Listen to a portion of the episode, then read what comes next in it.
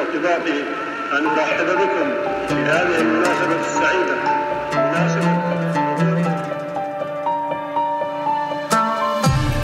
حياكم الله في الجزء الثاني من حلقة قصة تأسيس الدولة. معكم أنا أحمد الهاشم من بودكاست 1949 ضيفنا لليوم الدكتور محمد بن علي العبد اللطيف أستاذ مساعد في قسم التاريخ كلية الآداب في جامعة الملك سعود والمهتم في تاريخ الجزيرة العربية وبالأخص تاريخ الدولة السعودية. حياك الله. الله يحييك ويبارك فيك. خلينا في بداية حلقتنا اليوم نتكلم عن حال الرياض والدرعية قبل دخول الملك عبد العزيز. طبعا بعد انتهاء الدولة السعودية الثانية عادت المنطقة إلى سابق عهدها من الفوضى والتشتت. وعدم الاستقرار وأصبحت القبائل تغزو بعضها وأصبح هناك يعني إشكالية كبرى بالنسبة للمنطقة. يعني بعد أن خرج الإمام عبد الرحمن الفيصل ومعه أفراد الأسرة السعودية واستقروا في الكويت عادت المنطقة أو عادت القبائل يغزو بعضها بعضا. أصبح هناك إشكاليات كبرى في قضية الأمن تأمين الطرق. فالأهالي كانوا يبحثون عن منقذ ومخلص والمنقذ والمخلص كان موجودا في الكويت يخطط ويرتب وينظم العودة مرة أخرى. الملك عبد العزيز خرج من الرياض وعمره 16 سنة. ودائما ما نسمع أن الملك عبد العزيز استفاد من فترة وجوده في الكويت. صحيح لكن مدرسته الأولى كانت في الرياض. فعايش أحداثا كثيرة في الرياض ودرس أوضاع المنطقة. وعرف أنه يجب أن يعاد ترتيب وتنظيم الأمور مرة أخرى. لذلك بعد أن خرج منها وبعد أن بقي في البادية فترة من الزمن عاش فيها شظف العيش واستفاد منها في آه، اكتساب مهارات متعددة ثم كذلك استقر مرة أخرى في الكويت. كل هذه الأمور أهلته وجهزته وأعدته لي العودة إلى الرياض لاستعادة عاصمة الدولة واستعادة الحكم السعودي مرة آه، أخرى. طبعا حينما نأتي للملك عبد العزيز ومحاولات استعادة الرياض نجد أنه حاول مرتين. المرة الأولى نجحت جزئيا والمرة الثانية نجحت بشكل كامل. المرة الأولى كانت عام 1318 حينما قدمت حملة من الكويت بقيادة مبارك الصباح للقاء آه، عدوه وهو أبو الرشيد. الملك عبد العزيز حينها انفصل عن الحملة وذهب إلى الرياض واستطاع دخولها وحاصر جيش الأعداء في القصر قصر المصمم. كان محاصر له لكنه سمع بهزيمة جيش مبارك الصباح في معركة الصريف لذلك رأى أن الانسحاب أفضل من الاستمرار. وهنا استفاد من التجربة. ماذا استفاد؟ استفاد أنه يجب أن يكون القصر هو هدفه الأول. لذلك لما عاد الكويت بدأ يعد العدة يخطط وينظم ويرتب من أجل العودة مرة أخرى وبعد أن استأذن والده وأذن له بالذهاب خرج ومعه أفراد الأسرة آه، السعودية وبعض الأتباع وذهبوا إلى شرق الجزيرة العربية ومن هناك جمعوا عددا من من أراد أن يتعاون معهم في قضية استعادة آه، العاصمة الرياض. لكن هل الملك عبد العزيز قصد الرياض مباشرة؟ لا. قام الملك عبد العزيز بعدد من الحملات الاستكشافية حول المنطقة. تعرف من من هو موجود في المنطقة؟ قوة الأعداء من القبائل التي قد تتحالف معه. فقام بثلاث حملات استكشافية حول الرياض. يدخل فيها عمق وسط الجزيرة العربية ثم يعود مرة أخرى إلى الأحساء ويتلمس الأخبار ويعرف كل ما يستطيع أن يعرف عن المنطقة. بعد ذلك لما أراد أن يتزود أو يعني يشتري المؤن من الهفوف آه، قامت آه، أو قام الحاكم العثماني آه، الذي كان يحتل الأحساء في تلك الفترة برفض دخول الملك عبد العزيز لذلك تفرق عنه بعض أتباعه. هنا ممكن نقول أن برزت للملك عبد العزيز فكرة جوهرية وهي استفاد منها أو استفاد من تجربة جدة تركي وهو التخفي. فتركي تخفى سنتين. في غار تركي. الملك عبد العزيز تخفى حوالي خمسين يوم عن الأنظار. أين تخفى؟ تخفى في رمال الجافورة. الجافورة هذه منطقة رملية آه، صحراء قاحلة آه، ليس فيها أي مقوم من مقومات الحياة. فكل من يدخل فيها يتم الاعتقاد أنه لن يخرج منها. فدخلها الملك عبد العزيز. عكس كان يعني عكس كان غار تركي. إنه كان ينزل وأحوال المدينة ويستكشفها وكان في إمدادات مثل ما قلت أنت يعني. بالضبط. الملك عبد العزيز دخل الرمال وانقطعت أخباره عن العالم اجمع فاعتقدوا أنه يعني آه، سيتوه في هذه الصحراء ولن يخرج آه، منها. طبعا بقي فيها حوالي خمسين يوم. وكما ذكرت ما كان فيها مقومات. بقاء المياه مرة لا يعني لا تخدم قضية أن آه، أنها تكون يعني صالحة للشرب ما لم يكن بها آه، يعني ممكن نقول آه، تستطيع أن تصيد بعض الحيوانات و فكانت يعني آه، خمسين يوم صعبة جدا على الملك عبد العزيز ومن معه ولكنهم. نجحت الفكرة ومن الجافورة في شهر رمضان بدأ رحلة العودة إلى الرياض خرج منها وكان كانوا يسيرون في الليل حتى وصل قرب الرياض في أوائل أيام عيد الأضحى عفوا عيد الفطر آه، من سنة 1319 للهجرة ليلة الخامس من شوال كانوا آه، جنوب الرياض قرب ضلع الشقيب اللي حاليا حديقة مناخ الملك عبد العزيز قرب اسمنت. مصنع اسمنت اليمامة هذه رحلتهم إلى الرياض صحيح؟ نعم. صحيح مم. وأبقى هناك كان معه 63 رجلا. أبقى في الضلع مع الرواحل 23 رجل. وانطلق بأربعون أو بأربعين رجلا معه. لما وصل قرب الرياض أبقى 33 رجل عليهم أخوه محمد في إحدى المزارع وتسلل داخل الرياض معه سبعة رجال. كان يريد أو الهدف الآن هو حاكم الرياض عجلان. فأراد أن يهجم عليه في قصره ويقضي عليه وبذلك ينهي يسترد الرياض. يسترد الرياض. لكنه لما دخل القصر لم يجده أو لما دخل بيته لم يجده كان في المصمك. لذلك الآن قرر أن يعيد التخطيط للهجوم على المصمك والقضاء على الحاكم واستعادة آه، العاصمة. استدعى أخوه محمد ومن معه الآن أصبحوا أربعون رجل آه، ارتاحوا. آه، واستعدوا للمعركة الفاصلة الحاسمة التي ستكون في في الصباح. لما بدأت أو بزغ آه، الفجر وكانوا يعني متابعين لما الذي يحدث خارج القصر وخرج الحاكم ليتفقد الخيل أسطبل الخيل الموجود خارج القصر. هنا بدأت المعركة. فهجم الملك عبد العزيز ومن معه على هذا آه، الحاكم من أجل أن آه، يستعيد آه، الحكم ويستعيد العاصمة ويستعيد آه، ملك آه، الدولة أو حكم الدولة آه، السعودية. طبعا كانت معركة آه، سريعة ومعركة حامية ومعركة آه، قوية استطاع أن يلقي الملك عبد العزيز بنفسه آه، في أتون هذه المعركة و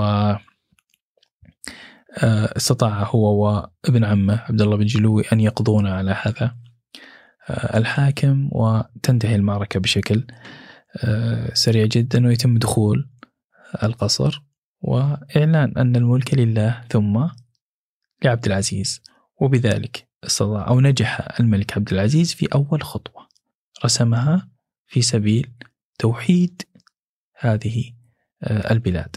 الآن بدأ التأسيس بدأ تأسيس المملكة العربية السعودية و آه، من هذه اللبنة الأولى سيستطيع الملك عبد العزيز توحيد معظم أرجاء الجزيرة العربية في فترة يعني تقارب حوالي 30 عاما. دائما أنا أردد هذه الفكرة. الملك عبد العزيز لم يكن عشوائيا. لا كان كل خطوة يخطوها كان يعني يخطط لها مسبقا. ف وهو في الكويت خطط لدخول الرياض. ولما دخل الرياض كأني أراه يرسم مخطط استعادة معظم أرجاء الجزيرة العربية وتوحيدها تحت حكم واحد وهو حكم آه، ملك المملكة العربية السعودية الملك عبد العزيز آه، آل سعود وصلنا ال- بعد ما استرد الرياض خلينا نتكلم عن كيف تم إعادة إعمار الرياض وتوحيد المنطقة الوسطى. طيب الملك عبد العزيز بعد أن دخل الرياض كانت أسوار الرياض مهدمة آه، وبحاجة لإعادة بناء فبشكل عاجل وسريع جدا خلال ستة أسابيع استطاع ومن معه وبعد قدوم والده الإمام عبد الرحمن من الكويت ومن معه من آه، أفراد الأسرة. آه، المالكة أن يعيدوا بناء أسوار الرياض التي كانت يعني قد هدمت عمدا مرة أخرى. وبذلك استطاع الآن أن يحمي العاصمة وأن يؤمنها. بعد ذلك وهذا فكر استراتيجي عظيم جدا لم يبدأ الملك عبد العزيز في الشمال لا بل استطاع أن يوحد آه، ما وراءه أن يحمي ظهره في آه، جنوب نجد الذين سرعان ما دخلوا آه، تحت حكم وولاء الدولة السعودية التي يقودها الملك عبد العزيز. فالملك عبد العزيز عودته يعني أثارت الرغبة وشغف الناس بالعودة إلى ذلك الحكم الرشيد الذي بدأ وضع أساسه الإمام محمد بن سعود ثم جدده الإمام تركي آه، بن عبد الله ثم الآن أعاد بناءه الملك آه، عبد العزيز. فكان يعني أهالي المنطقة متفقون على ضرورة الوحدة التي الآن أتى آه، الملك عبد العزيز من أجل إعادتها واستعادتها مرة أخرى. لذلك نجد أنه بشكل سريع جدا استطاع أن يوحد منطقة جنوب نجد ثم بعد ذلك انتقل إلى شمال نجد ووحد معظم الأقاليم سواء إقليم مثلا الوشم إقليم سدير إقليم المحمل ثم القصيم بالكامل توحدت بشكل سريع جدا ودخلت تحت حكم آه، الملك عبد العزيز. أبدى الملك عبد العزيز شجاعة شجاعة كبيرة في معظم المعارك التي خاضها خلال آه، تلك الفترة وأبدى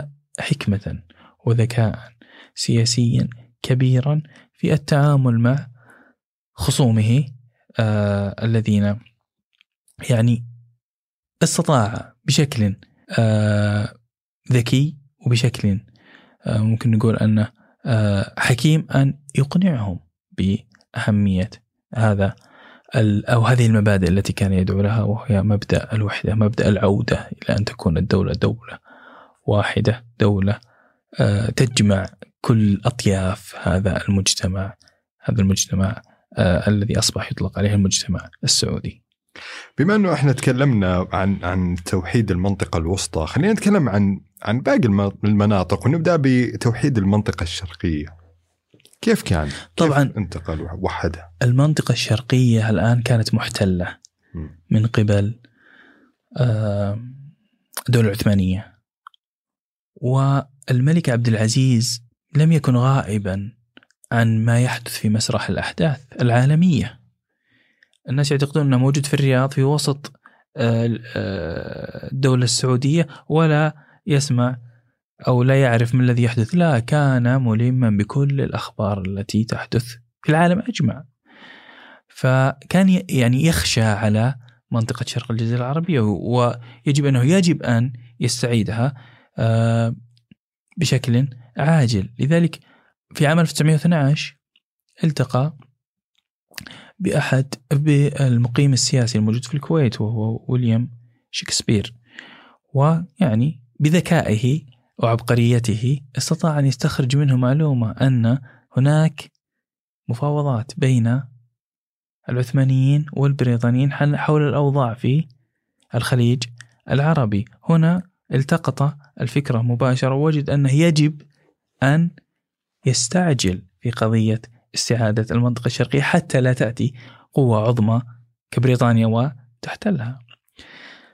لذلك آه، مباشرة أعد العدة وسار وطبعا بالإضافة إلى أنه وصلته مكاتبات من أهالي المنطقة الشرقية يطلبون منه بشكل عاجل أن يأتي لإنقاذهم وإخراجهم من آه، ذلك الحكم العثماني الذي لم يخدم المنطقة بشيء. فقط كانوا يجمعون الضرائب وأهلكوا الناس في قضية آه، دفعها وجمعها آه، منهم. فالملك عبد العزيز بشكل عاجل جمع حملة وسار بها إلى الأحساء. ودائما دائما لو نرى المعارك التي خاضها الملك عبد العزيز يجب أن نركز على نقطة مهمة. أنه لم يكن يرغب أن يكون هناك يعني إصابات في الأرواح كثيرة. لذلك نجد أن حملاته كانت خاطفة هجماته خاطفة. دائما تأتي في الليل.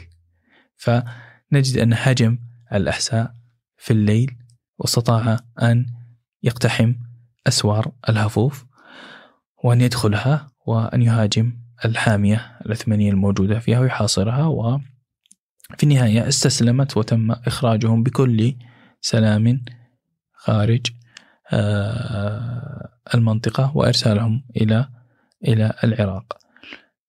فالملك عبد العزيز أنقذ المنطقة من يعني مما سيحدث.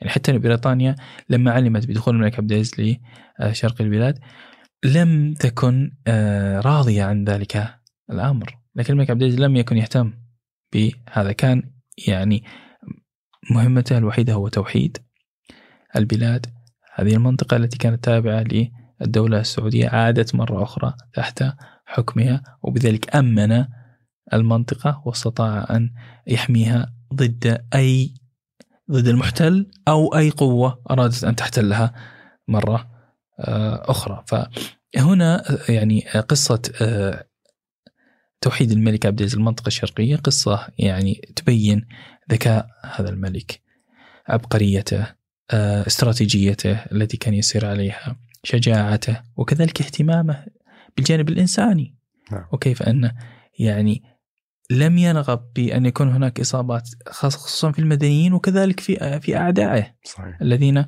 أخرجهم من آه، المنطقة. ف وبذلك يعني عام 1913 1331 نجح الملك عبد العزيز في ضم المنطقة وتوحيدها وأن تكون تابعة للدولة آه، السعودية. من بعدها انتقل إلى المنطقة الجنوبية ووحدها صحيح؟ صحيح. حدثنا عن هذه الفترة.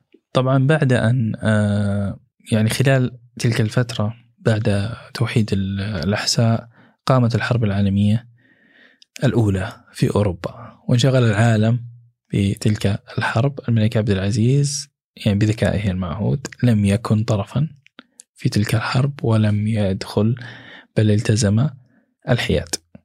لم يعني يدخل ضمن أي طرف من أطراف الحرب والتزم الحياد حي- حماية لدولته وحماية لأهالي دولته. وخلال تلك الفترة فترة الأربع سنوات التي عاشتها أو عاشها العالم الملك عبد العزيز كان يعني مركز بشكل كبير على تأمين تقوية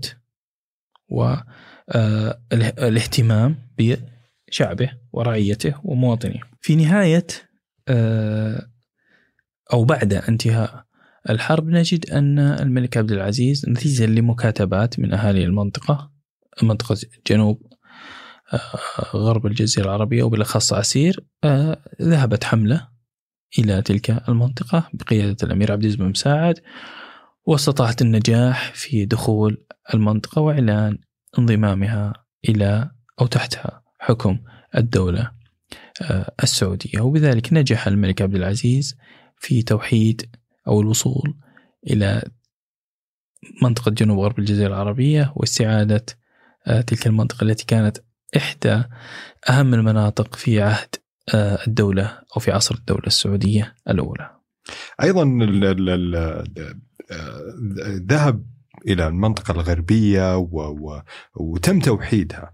نبغى نتكلم عن توحيد المنطقة الغربية أيضا آه، آه، حكم الملك عبد العزيز. طبعا بعد آه، وكيف كانت يعني المنطقة الغربية هذيك الفترة؟ بعد أن آه، انتهى الملك عبد العزيز من توحيد آه، عسير نجد أنه آه، انتقل إلى الشمال بداية وص- ونجح في تنظيم في توحيد حائل وأدخلها تحت حكمه. ومن هناك يعني نجد أن الملك عبد العزيز الآن آه، بدأ بتثبيت آه، نفوذه أو ممكن نقول نفوذ الدولة في شرق نوعا ما شمال وجنوب غرب آه، الجزيرة العربية. آه، أراد أن يتأكد أن كل المبادئ التي تدعو لها الدولة اللي هي الوحدة والأمن والأمان والاستقرار يتم يعني توفيرها آه، وجودها في هذه آه، المناطق. يعني مثلا حدثت بعض الأحداث في منطقة عسير فأرسل ابنه الأمير فيصل حينها وكان عمره أعتقد 16 سنة على رأس حملة ذهبت إلى أبها وعادت الأمور إلى آه، نصابها. فكان الملك عبد العزيز يعني يريد أن يتأكد آه، بشكل كامل أن الأمور يعني مستقرة. أن ال- ال- المواطنين مواطني الدولة السعودية الأولى قد توفرت لهم عفوا مواطني المملكة أو مواطني الدولة توفرت لهم كل وسائل آه، الحياة التي آه، يحتاجونها. هنا أو خلال تلك الفترة غرب الجزيرة العربية كانت آه، يحكم من قبل الشريف حسين اللي كان ملكا على الحجاز في تلك الفترة. لكن نتيجة لبعض الأحداث رأى الملك عبد العزيز ضرورة التحرك لدخول غرب الجزيرة آه، العربية واستعادتها لأنها كانت تابعة للدولة آه، السعودية الأولى. لذلك صارت حملة آه، وصلت إلى الطائف ونجحت في دخول الطائف ثم دخلت مكة بشكل سلمي. محرمين بالعمرة وتحرك الملك عبد العزيز بنفسه من العاصمة الرياض على رأس حملة آه، كبرى على يعني وواكبه فيها وسار معه عدد كبير جدا من الألوية التي التحقت به خلال تلك الرحلة التي عرفت باسم الرحلة الملكية والتي وثقها آه، مستشاره يوسف ياسين في قصة يعني آه، كتابة آه، شهيرة نشرها في آه، صحيفة أم القرى التي صدرت بعد دخول الملك عبد العزيز مكة. وصل الملك عبد العزيز مكة.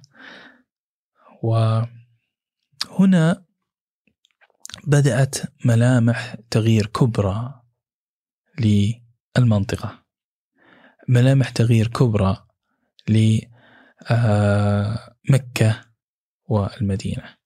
يعني مكة والمدينة لم تشهد اهتماما كالذي شهدته بعد دخول الملك عبد العزيز حتى يومنا الحاضر. منذ أن آه، قامت هاتين أو تأسست هاتين المدينتين. يعني الدولة السعودية بذلت جهودا عظيمة جدا في سبيل توفير كل ما يحتاجه أهالي المدينتين وكذلك زوار هاتين آه، المدينتين.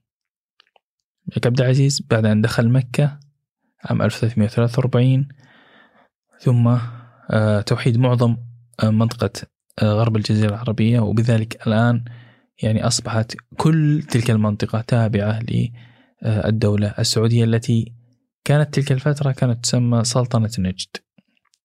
ثم بعد أن دخل الحجاز الملك عبد العزيز أصبحت يطلق عليها مملكة الحجاز وسلطنة نجد وملحقاتها. ثم بعد ذلك بعام 1344 تغير الاسم إلى مملكة الحجاز ونجد وملحقاتها. وبقي هذا الاسم حوالي سبع سنوات حتى تم تغييره فيما بعد. خلال تلك الفترة الملك عبد العزيز عمل على تنظيم أمور الدولة. بدأت ال ال ال يعني ممكن نقول الآن بما أن المملكة أصبحت يعني تمتد من الخليج العربي حتى آه، البحر الأحمر. وأصبح رعاياها أعدادهم كبيرة جدا وكانت تستقبل أعداد كذلك كبيرة من آه، الزوار والحجاج والمعتمرين. كل هذه الأمور الآن جعلت على الدولة مسؤوليات كبيرة جدا وأصبح الملك يعني يقضي فترة في العاصمة الرياض ويأتي بنفسه إلى آه، مكة وجدة للإشراف على أمور الحج وغيره من الأمور. هنا بدأت الدولة تنتقل من دولة تقليدية إلى دولة دولة مؤسسات. حينما بدأت المؤسسات تخرج وتظهر وبدأت الوزارات تتأسس بدأت الإدارات تتأسس المهتمة بالتعليم الصحة. هنا تم تحويل أو يعني خلينا نتكلم إنه تم توحيد الدولة والتحول إلى مسمى المملكة العربية. نعم خلال تلك الفترة نجد أن الملك عبد العزيز بعد أن دخل الحجاز ووحد معظم مناطق شمال الجزيرة العربية وتم الاتفاق على يعني على حدود الدولة مع الدول المجاورة نجد أن آه، مسمى الدولة يعني اللي هو كان مملكة الحجاز ونجد وملحقاتها بدأ يعني يعني رأى الملك عبد العزيز أنه بحاجة إلى أن يعني يكون اسم جامع لكل لكل أطياف المجتمع السعودي. لذلك آه، بمبادرة يعني أو أمر الملك عبد العزيز. مستشار فؤاد حمزة أن يجتمع معه بعض الأعضاء مجلس الشورى للخروج بفكرة آه، لتسمية المملكة. اسم يعني يكون اسم جامع لي ففؤاد حمزة اجتمع معه أعضاء مجلس الشورى ثم بدأوا يتواصلون مع المناطق المختلفة من المملكة. وتواصلوا معها بهذا بهذه الفكرة وهذا المقترح اللي هو تغيير اسم المملكة إلى اسم جديد.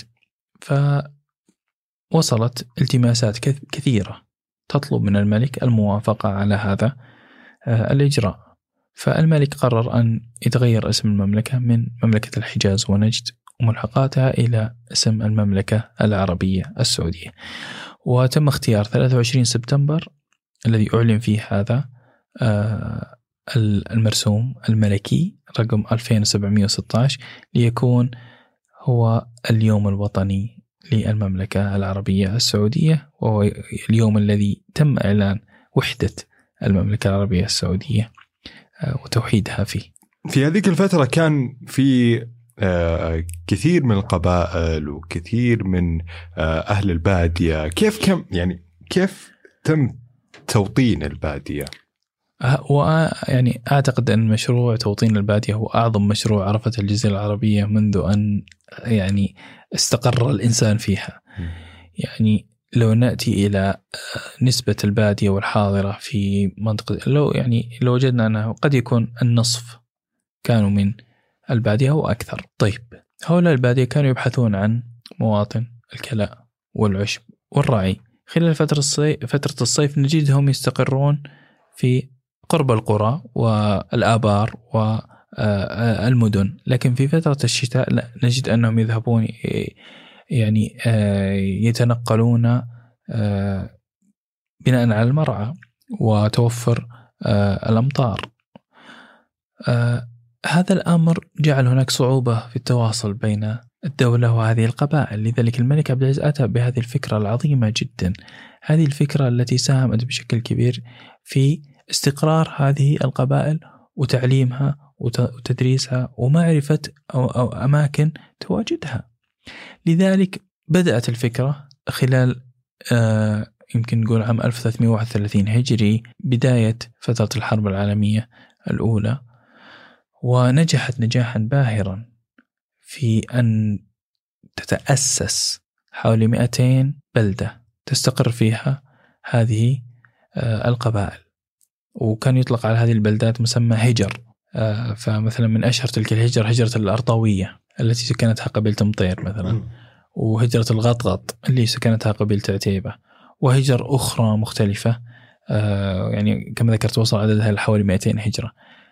هذه الهجر كانت نواة لتوطين هؤلاء أو هذه القبائل المتنقلة قبائل الرحل الذين كانوا يذهبون بحثا عن الكلأ والعشب لإبلهم لا الآن نجد أنهم اختاروا حياة جديدة حياة الاستقرار حياة آه، الزراعة وامتهان أن يقوموا بالزراعة وعدم الاعتماد على آه، قطعانهم من الإبل أو الماشية. آه، كذلك ساهمت هذه الهجر في تعليمهم وتثقيفهم ويعني الملك عبد العزيز حرص بشكل كبير جدا على أن يتم توفير في كل هجرة عالم أو مثل ما يقولون مطوع يقوم بتدريسهم وتعليمهم. كذلك حرص بشكل كبير يعني الملك عبد العزيز لم يتركهم يستقرون وفقط لا كانت الدولة تتكفل فيهم. كان الملك عبد العزيز يرسل لهم الأموال والأرزاق حتى يتأكد أن الفكرة أو حتى يتأكد أن من نجاح الفكرة واستمراريتها. لا يريد أن يعني آه، مثلا تكون فترة مؤقتة وتنقضي لا. كان يريد أن تستمر هذه هذا المشروع. لذلك هذا المشروع. وعلى وعلى مراحل يعني هي يعني نتكلم التغير في علم. نتكلم المملكة العربية السعودية. هي مرت على مراحل. وإحنا راح نتكلم في في هذه المراحل وبشكل مفصل أكثر وأكثر. لكن ما قبل العلم خلينا نتكلم شوي عن آه، فترة اكتشاف النفط. يعني هذا السؤال اللي أنا المنتظر واللي أنا أبغى أعرفه وأعرف قصته. كيف تم اكتشاف النفط و... وإيش هي تفاصيلها؟ طيب آه نعرف أنه في معاهدة العقير عام 1922 قدم شخص آه وهو جيولوجي نيوزيلندي اسمه فرانك هولمز. مشهور هذا في في منطقة الخليج العربي يسمونه أبو النفط. فأتى فرانك هولمز وكان يملك شركة اسمها الشركة الإنجليزية الشرقية العامة أو الشركة الشركة الشرقية العامة. آه كان يهدف إلى أن يحصل على امتياز للتنقيب عن النفط في منطقة شرق الجزيرة العربية. أبرجع لك ورا شوي. حينما نأتي للمنطقة كاملها متى اكتشف البترول فيها أو النفط فيها؟ نجد أنه اكتشف في إيران في منطقة اسمها مسجد سليمان عام 1908 وتأسست نتيجة لهذا الاكتشاف شركة ال- النفط الإنجليزية أو الإنجلو ساكسونية. هنا بداية اكتشاف النفط في المنطقة عام 1908 فالأمر هذا جعل العالم الراغب في البحث والتنقيب عن النفط يلتفت للمنطقة ويرى أن هناك يعني إمكانية ل آه، اكتشاف النفط في هذه المنطقة. فجاء فرانك هولمز وتفاوض مع الملك عبد العزيز والملك عبد العزيز أعطاه امتياز للتنقيب عن النفط عام 1923 وشرط عليه أن الشركة التي آه، ستقوم بالتنقيب لا تكون يعني لا تكون مملوكة لدولة. وهذه من حكمة وذكاء وعبقرية الملك عبد العزيز. كان يعرف أن شركات البترول ستك يعني بعضها غطاء لسيطرة آه، سيطرة الدولة. لا. لذلك كان من شروطه أن لا تكون الشركة مملوكة للدولة. أن تكون شركة مستقلة. وهكذا كانت شركة هولمز. لكن هولمز ما كان يعني يعني رجل المرحلة. فقدم وبدأ بأعمال التنقيب لكنها كانت أعمال ضعيفة. هو أخذ أكثر من عقد في المملكة وفي البحرين وفي الكويت لكن كانت أعماله ضعيفة وما كان يعني وما استطاع أن ينقب عن البترول بشكل كبير. وما حصل النفط. لا لم يجد. ما لأنه ما يعني آه لم يحفر أو إمكانياته كانت كانت ضعيفة. أيوه. نعم إمكانياته من حيث الأدوات والمعدات كانت ضعيفة. مم. وكان يعني تخصصه أنه يحفر آبار مياه. ما كان ما يعني لذلك بعد أن أصبح مدينا للدولة أنهى الملك عبد العزيز الامتياز. وبريطانيا تلك الفترة اكتشفت البترول في العراق. لذلك كانت يعني ستحارب أن يتم اكتشاف البترول في المملكة لماذا؟ لأنه سيكون منافس لاكتشاف البترول في العراق نعم. لذلك الملك عبد العزيز بعد أن أنهى عقد هولمز أعتقد عام 1927 أو 28 بدأ الآن مرحلة أخرى في في سبيل ال يعني اكتشاف الثروات الموجودة في في بلده زاره أحد آه، رجال الأعمال الأمريكان اللي كان له اهتمام في المنطقة واسمه جون كرين. جون هذا اقترح على الملك عبد العزيز أنه سيرسل له أحد الجيولوجيين الماهرين في قضية ال- يعني المسح الميداني للمنطقة ويكتب تقرير عن ما هي يعني ال- ال- الثروات اللي ممكن أن تقوم المملكة العربية السعودية بالاستفادة منها. الملك عبد العزيز رحب بهذا الأمر. فبعد فترة وصل هذا الرجل واسمه كارل تويتشل. آه، الملك عبد العزيز آه، وجهه بأنه يقوم بمسح ميداني شامل من منطقة غرب المملكة حتى شرق المملكة من البحر الأحمر حتى الخليج العربي. فخرج بفرقة مع كلهم من السعوديين وهو لوحده طبعا هو الجيولوجي الخبير. وبدأ يمسح المنطقة من جدة حتى وصل إلى ساحل الخليج العربي. وكتب تقريره. كان تقرير عظيم جدا. لأن ذكر أن المنطقة بها ثروات متنوعة. ذهب وأكد في تقرير أنه يوجد نفط. فالملك عبد العزيز آه، هنا بدأ عملية إيش؟ عملية أنه يحاول أن يستقطب الشركات القادرة على أن تكون. يعني شركة تستطيع أن آه، يعني آه، أو تنجح في عملية الحصول على أو بعد الحصول على هذا الامتياز أنها تنجح في اكتشاف النفط. واستخراجه أيضا. واستخراجه. مم. فطبعا تم التواصل مع الشركات ال- البريطانية تم التواصل مع الشركات آه، الأمريكية. ويعني أراد الملك عبد العزيز أن يحصل على الصفقة الأفضل. لماذا؟ لأنه يريد الخير لدولته ولشعبه ومواطنيه. فوجد أن البريطانيين لم يكونوا متحمسين. لماذا؟ لأنهم لا يريدون أساسا أن يتم اكتشاف النفط في المملكة لأن لديهم العراق. هذا شيء يعني يحدث تنافسية. الأمريكيين على العكس قدموا وكانوا يعني متحمسين للحصول على الامتياز خاصة أنهم وجدوا كانوا يعني حصلوا على امتياز في البحرين ونجحوا في بعد التنقيب أنهم يعني اكتشفوا البترول هناك. فبعد مفاوضات وهذا دليل أن الملك عبد العزيز لم يكن يعني كان مترويا وكان يريد أن يحصل على الصفقة. الأفضل بعد ثلاث شهور من المفاوضات مع الشركة الأمريكية التي أتت وهي شركة ستاندرد أويل كاليفورنيا نجح الملك عبد العزيز في أن يحصل على شروط تخدم آه، وطنه وتخدم مملكته وتخدم مواطنيه وتم توقيع هذه الاتفاقية عام في 29 مايو 1933 ميلادي. هنا بدأت الشركة مباشرة في ال- البدء بأعمال التنقيب. هذه الأعمال اللي استمرت حوالي خمسة خمس سنوات. آه، طبعا أعتقد الأمريكان أنهم سيحفروا مسافات بسيطة وسيجدوا البترول لكن اعتقادهم كان خاطئ.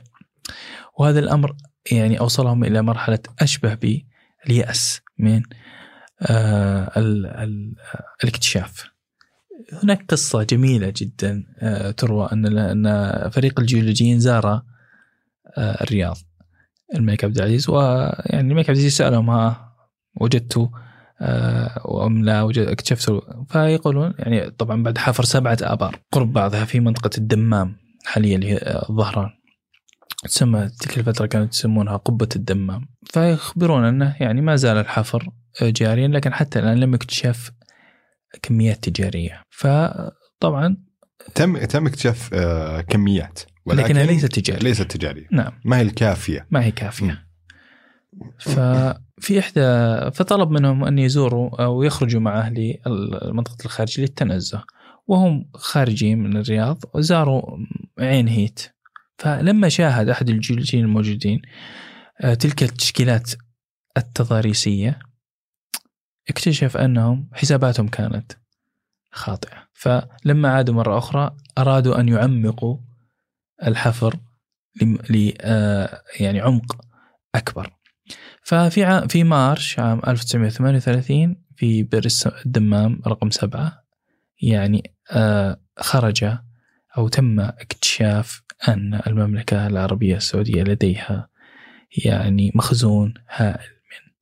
البترول بهذا الاكتشاف حينما خرجت كميات عظيمة من من آه، البترول وأعلن قيام أو آه، بدء مشروع آه، اكتشاف. وممكن نقول أنه بدء مشروع التأكيد على أن المملكة العربية السعودية هي أعظم بلد بترولي أو يملك احتياطي بترولي في العالم. طبعا بعد هذا الاكتشاف الملك عبد العزيز زار آه، منطقة العمليات آه، الخاصة بالشركة اللي كانت في البداية كان تسمى كاسوك كاسوك اللي هي شركة ستاندرد أويل أو كاليفورنيا ستاندرد أويل العربية لكنهم بعد ذلك غيروها إلى ارامكو آه، شركة الزيت العربية آه، الأمريكية. زار الملك عبد العزيز آه، المنطقة عام 1939 وساهم في فتح أنبوب تعبئة أول ناقلة بترول هي سكوفيلد عام 1000 وطبعا في تلك الزيارة عام 1939 وبذلك بدأ مشروع تصدير أو بيع النفط السعودي للعالم. جميل جدا يعني آه، هذه القصة القصة الملهمة واللي تعطينا يعني الكثير الكثير الكثير من الأشياء اللي إحنا نتعلمها أكيد من آه، قيادتنا الرشيدة وتحديدا من الملك عبد العزيز. طيب الله ثراه خلينا نتكلم عن قصة مراحل التغيير في علم المملكة العربية السعودية. طبعا لو أتينا للدولة السعودية الأولى لو وجدنا أن الدولة بقيادة الإمام محمد بن سعود اختارت علم علما أخضر. آه، جانبه القريب من آه، حامل العلم آه، يكون اللون الأبيض وبقية العلم باللون الأخضر ويكتب على العلم كلمة التوحيد لا إله إلا الله محمد رسول الله. واستمر هذا العلم علم الدولة السعودية الأولى وعلم الدولة السعودية الثانية وبداية عهد الملك عبد العزيز. بعد ذلك بدأت يعني تطورات تخرج للعلم آه، السعودي. أفكار متنوعة تخرج أو تظهر على آه، العلم فمثلا أضيف له سيفين متقاطعين في أعلى كلمة التوحيد. بعد ذلك أضيف له سيف في الأعلى ثم أضيف له كلمة أو آية عفوا نصر من الله وفتح قريب. لكن كل هذه ال ال الأفكار كانت يعني اجتهادات. لكن العلم الرئيس العلم الأساس هو علم الدولة السعودية الأولى والثانية ثم التطوير اللي حدث للعلم الحالي اللي هو آه كلمة التوحيد لا إله إلا الله محمد رسول الله ثم أضيف عليها السيف آه في الأسفل ليبين العناصر التي يمثلها وهي القوة والعدل. فيعني هذه قصة العلم السعودي. باختصار. العلم عمره ثلاثة قرون محتفظ بذات العناصر التي بدأ منها حتى اليوم. من عهد الدولة السعودية الأولى من عهد محمد بن سعود 1139 هجري 1727 ميلادي. حتى اليوم وهو علم يعني لم يتغير إلا بشكل بسيط. ما زالت عناصره الرئيسية الأساسية واحدة. جميل. خلينا نرجع بس النقطة ذكرناها وقلت لك راح نرجع نتكلم فيها من جديد وهي راح تكون آخر نقطة اللي هي مراحل العلم والتعليم في المملكة العربيه يعني في في تحديدا في عهد الملك عبد العزيز. طبعا لو أتينا إلى التعليم في عهد الملك عبد العزيز نجد أن الملك عبد العزيز ركز على التعليم بشكل كبير. توطين البادية كان مشروع اجتماعي ومشروع تعليمي وتثقيفي. نجد أنه يعني شجع على بناء المدارس في جميع مناطق المملكة. عام 1930 تأسست مديرية التعليم التي يعني عملت على آه هذا آه، المشروع اللي هو مشروع فتح المدارس. كان هناك بعض المعاهد التي الملك عبد العزيز طورها والمدارس التي طورها وشجعها ودعمها بشكل كبير. شجع الابتعاث. فكانت البعثات تخرج إلى آه، الدول المجاورة. مثل مصر كانت تخرج لها بعثات مختلفة. بعد قدوم الشركة الأمريكية أرامكو بدأت البعثات لا تذهب إلى دول أوروبية وإلى الولايات المتحدة. فالملك آه، عبد العزيز نقل التعليم نقلة نوعية. نقلة إلى أن يعني كانت كانت في بداية عهده مرحلة الكتاتيب اختلفت يعني المسألة بشكل كبير جدا إلى أنها أصبحت تعليم نظامي متكامل بمقرراته بمعلميه ببعثاته ب يعني كل مقومات التعليم النظامي الحديث. فيعني الملك عبد العزيز اهتم بشكل كبير بالتعليم. ومن أمثلة اهتمامه بالتعليم اهتمامه بتعليم أبنائه. فكان يعني يعلمهم داخل مدرسة الأمراء في القصر. وكانت المدرسة هذه تتنقل مع تنقل الملك.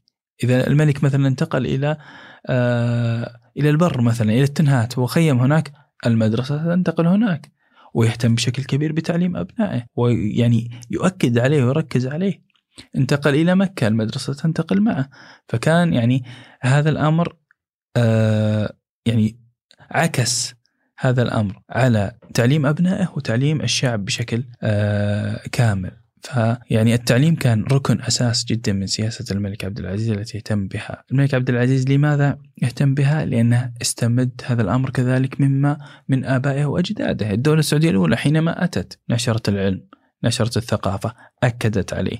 الإمام كان هو من يعلم الناس. يعني الإمام محمد بن سعود، الإمام عبد العزيز، الإمام عبد العزيز كان يجلس لحلقات الإمام سعود بن عبد العزيز كان في مجلسه يعلم الناس ويخرج وفي الحرم المكي كان يعلم الناس وكذلك الإمام تركي بن عبد الله والملك عبد العزيز بنفسه كان يناقش العلماء وكان مجلس مجلس علم ومجلس ثقافة ومجلس معرفة ومجلس آه تعليم. فيعني كان هذا ديدا الدولة من تأسست حتى يومنا الحاضر الاهتمام بالتعليم التركيز على آه ذلك. ولم يكن مقصورا على تعليم مثلا نقول الرجال لما آه الملك سعود مباشرة أعلن تأسيس رئاسة العامة لتعليم البنات وبدأت فكرة تعليم أو مرحلة تعليم البنات التي كانت في السابق يعني نستطيع أن نقول أنها تقليدية كانت مرحلة كتاتيب لا الآن انتقلت إلى مرحلة نظامية. ف يعني التعليم ركن أساسي ومهم جدا في سياسة الدولة السعودية منذ نشأتها حتى اليوم.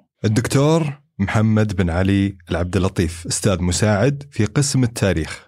كلية الآداب في جامعة الملك سعود والمهتم في تاريخ الجزيرة العربية وبالأخص تاريخ الدولة السعودية. شكرا لتواجدك معنا اليوم في هذا البودكاست. شكرا لكم على الاستضافة. كانت هذه حلقتنا من قصة تأسيس المملكة العربية السعودية وإلى لقاء آخر نروي فيه قصص من مملكتنا الغالية. كنت معاكم أنا أحمد الهاشم من بودكاست 1949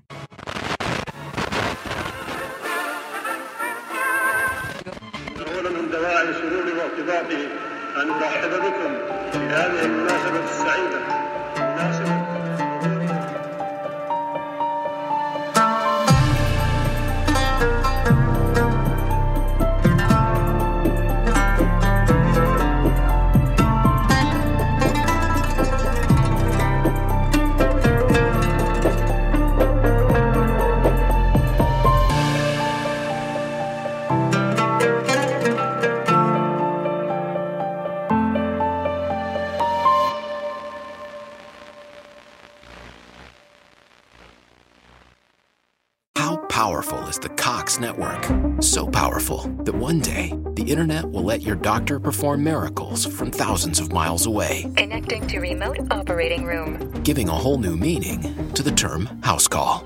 Operation complete. The Cox network, with gig speeds everywhere, it's internet built for tomorrow, today. Cox, bringing us closer. In Cox serviceable areas, speeds vary and are not guaranteed. Cox terms apply, other restrictions may apply.